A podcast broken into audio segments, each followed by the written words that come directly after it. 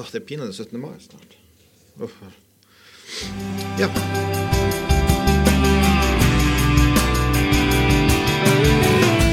Og da ønsker jeg velkommen til Folkepodden, en podkast fra Folkebladet. Med meg i studio i dag har jeg sjefredaktør i Folkebladet, Stein Fendriksen. På link fra Dyrøy, stemmer det? Ja. Arne Ivar Hansen, vår eminente kulturjournalist.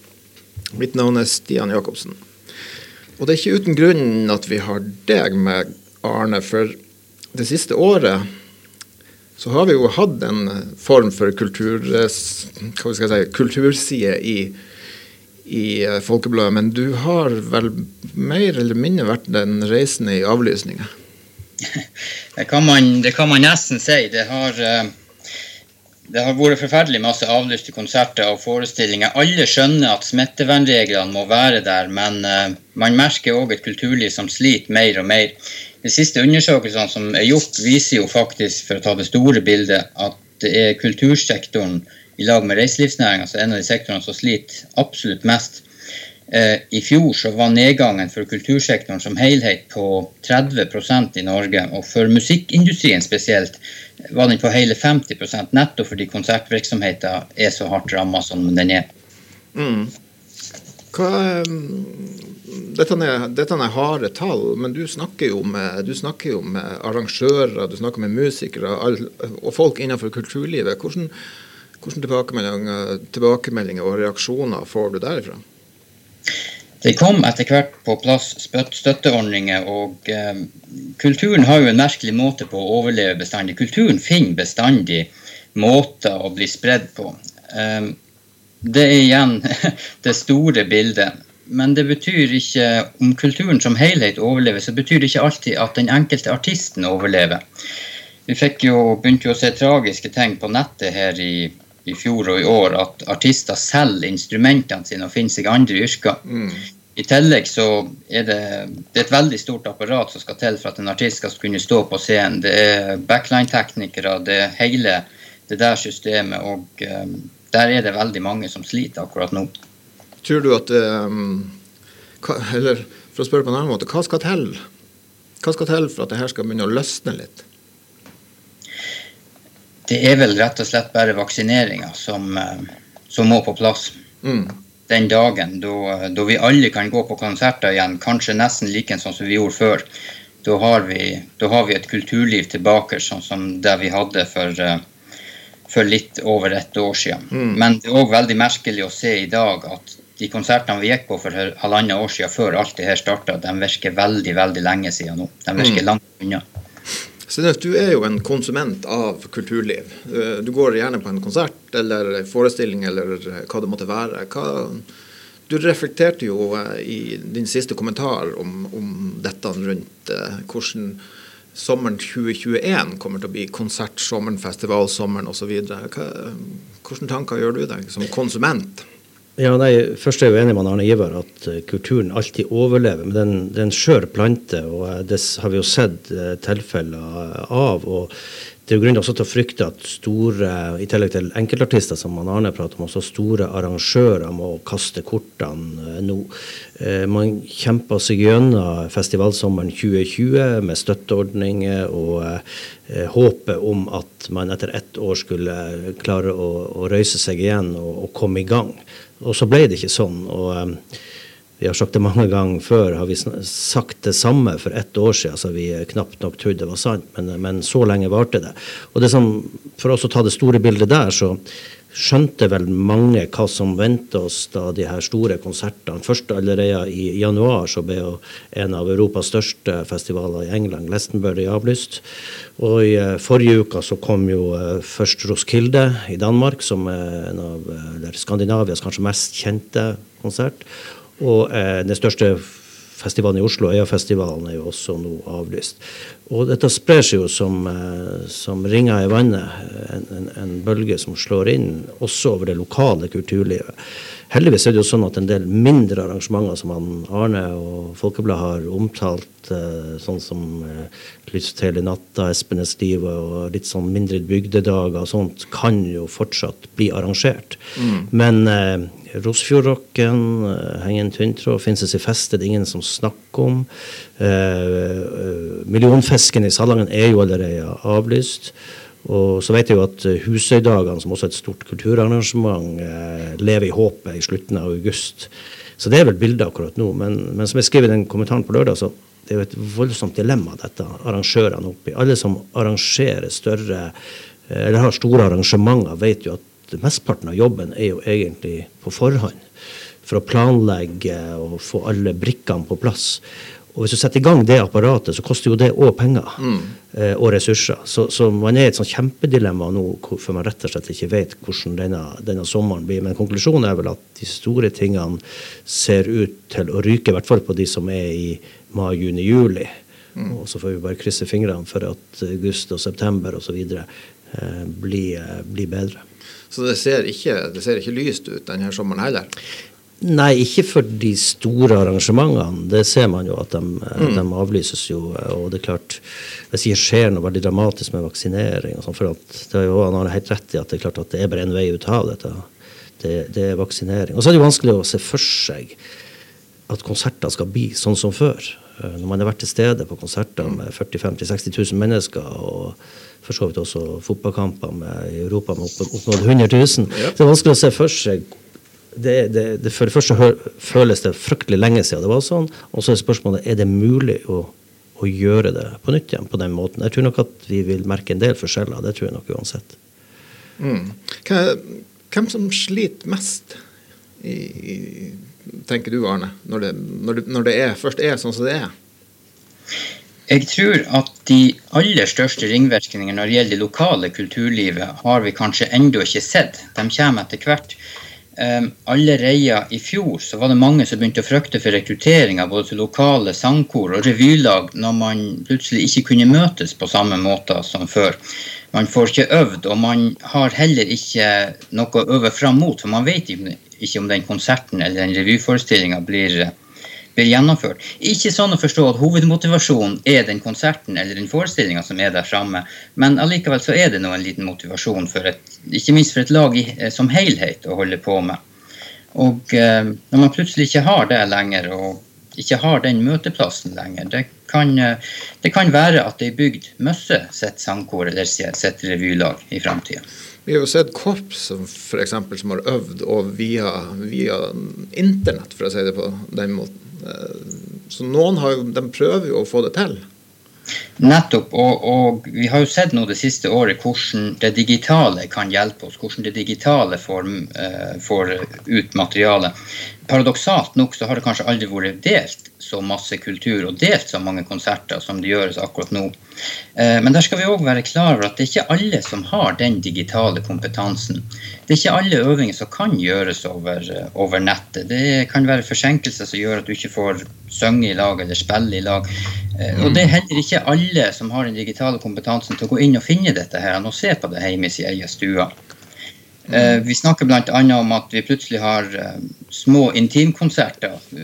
Når et samfunnshus bare kan samle 50 stykker, du kan eh, få oppleve egentlig en internasjonal artist i en helt unik setting med bare 50 stykker i, i salen. Det kan virke veldig veldig inkluderende, og kultur i sitt vesen er jo inkluderende. Kulturen skal aldri være ekskluderende.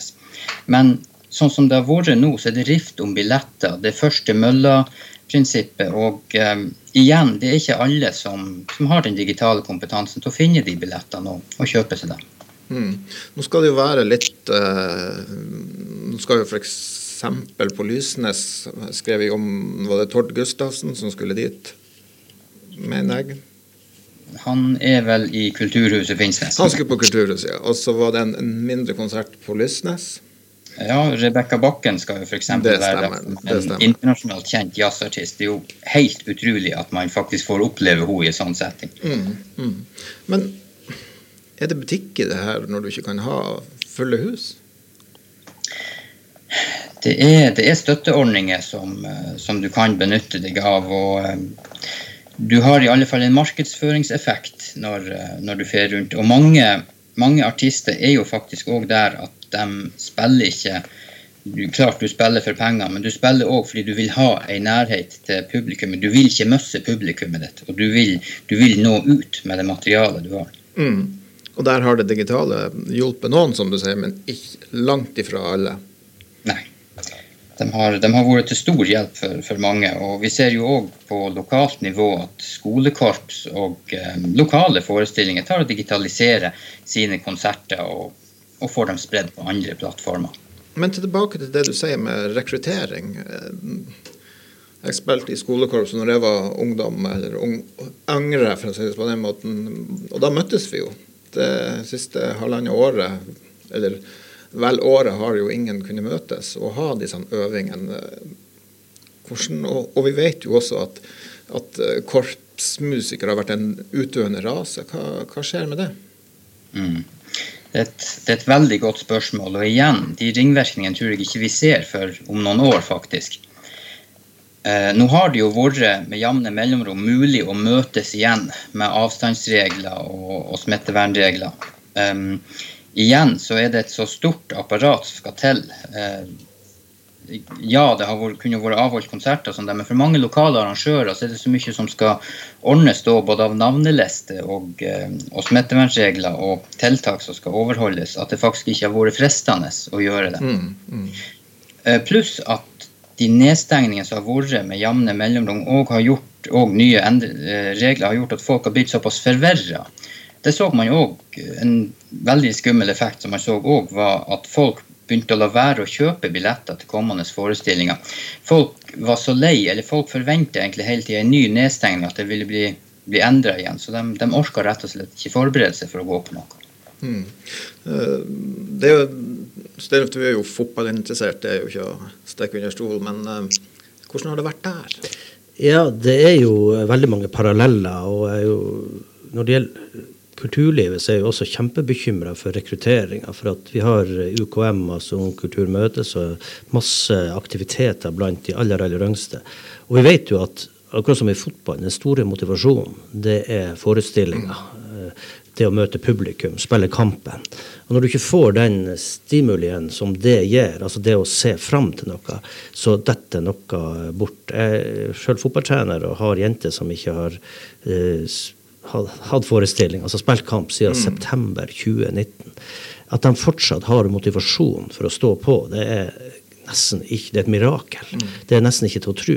Og det er jo der håpet hele tida om å se fram til, til noe som, som, åpner seg, og en, en, konkurranse. Og nå er det jo snakk om at det kanskje løsner opp i, i begynnelsen av august. Det er jo det siste for, for den fotballbiten. Men på kulturen så er det jo fortsatt usikkert, og uh, man må jo bare håpe at de som tross alt hold, har holdt ut, eh, får ny motivasjon, og kanskje en del av de som har slutta, eh, kommer tilbake. Mm. Men du peker jo på én ting, og det er jo veldig aktuelt akkurat nå. Det er jo sånn som korpsmiljø og sånne ting som er ganske krevende ting å drive. Vi ser jo mm. at korpsene For det skal du ha et korps, så må du være et visst antall eh, utøvere, et visst antall instrumenter. Man, man, har jo sett på 17. mai i normale tider at det er så vidt det, det henger i hop i uh, selv på en plass som, som Finnsnes, med, som har hjelp fra et veldig godt korps i Sørreisa, og Målselv har også det er jo sånn, og Der er det også all grunn til å være bekymra. Jeg er spent å se hva som vi får se. Det blir ikke normal 17. mai, men hva som kommer nå, og ikke minst hva som hvordan blir denne veien egentlig eh, videre, når de har fått pandemien på toppen? Ja, og du sa 17. mai. La oss, eh, la oss, Det er straks 17. mai. I fjor var det jo en skrekkelig 17. mai. Blir den like skrekkelig i år? Ja, mye tyder jo på det. For det første er jo 17. mai også en viktig eh, norsk kulturfest, hvor mye av den beste kulturen vi har, får vist seg fram. Både korps og, og andre musikere som får slippe til på scenen, gjerne unge mennesker. Så det som er lagt opp til i år, det er jo Vi vet jo at det kommer til å gå en del um, tog i forkant av 17. Eh, mai på skolene og sånt for at man skal få den opplevelsen, og kanskje til og med ta opp, ta opp video som, uh, som, kan publiseres uh, på 17. mai. og uh, det er jo Nei, det, det, i fjor så syns jo Nå var jeg på Finnsnes sjøl. Jeg Mm. syns de berga seg brukbart ut av det. Ble noe viss stemning med korps, eh, korpsene som gikk gjennom sentrumsgaten, eh, stort sett alene da.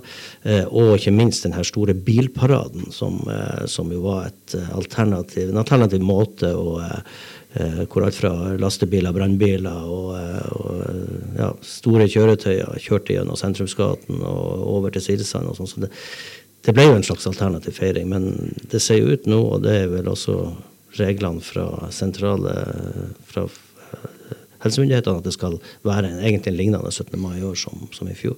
Vi er, jo, vi er jo glad i nasjonalfølelsen vår, eh, Arne. Eh, Det å ikke få se barnetoget gå forbi Slottet på eh, 17. mai Jeg, synes, jeg for min del syns det er et savn.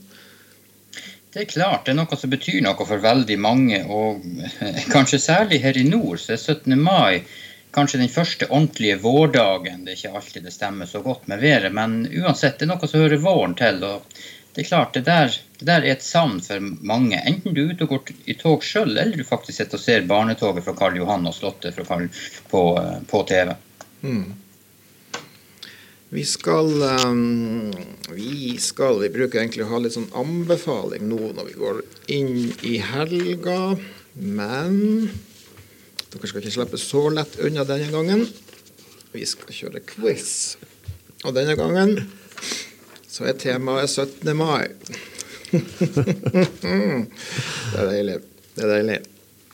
Jeg kjører spørsmål, og så er det bare den første som vet. Rop svar. Hva skjedde på 17. mai i 1814? Ja, hva du mener? Ikke to, de bestemte jo at eh, Det var grunn, Norges grunnlov som eh, ble eh, Og da ble, ble det bestemt òg at det skulle være nasjonaldagen, går jeg ut fra. Det er helt korrekt. Men hvor skjedde det? Eidsvoll. Arne må være frampå her. Det var to. Arne, nå skal du få slippe til. Det var en svensk konge som mislikte sterkt at nordmenn feir, nordmenn feira 17. mai. Hva het han? Jeg ville tippe at det var Oskar 2., men det, det kan være en annen enn òg. Og hvis det skulle være en annen, så kunne det ha vært Hovedgata. Karl Johan. Karl Johan! Han tok den nå. Hovedgata, ja, hvis jeg klarte den, så Hovedgata i Oslo, er ikke det Karl Johan? Jo da, men Den døde. det var en kraftig ledetråd.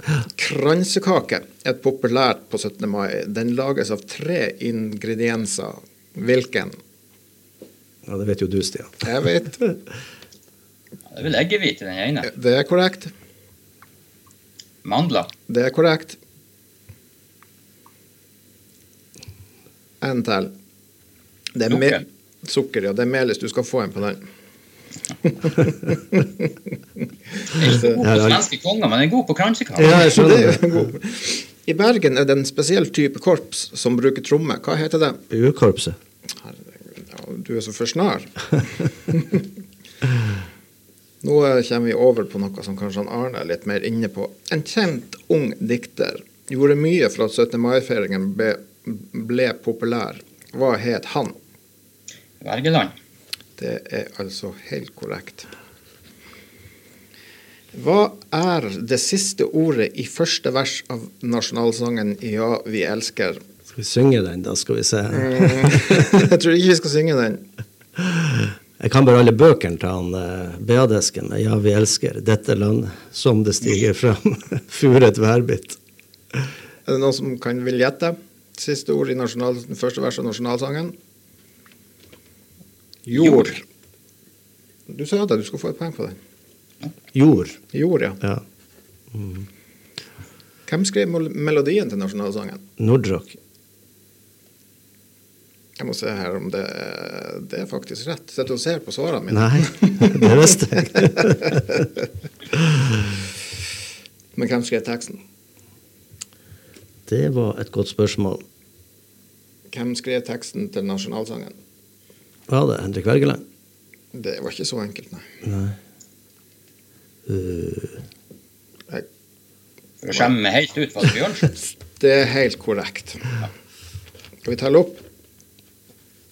En, to, tre, fire. Fire til Arne.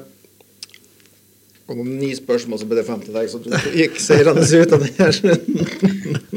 Det var ufortjent. da. Da fikk vi eh, oppdatert våre kunnskaper på 17. mai, om ikke annet. Og eh, selv om man skal feire hjemme, se på TV, det som er å se på TV, så det kan jeg nå ønske alle sammen en riktig god eh, 17. mai-feiring.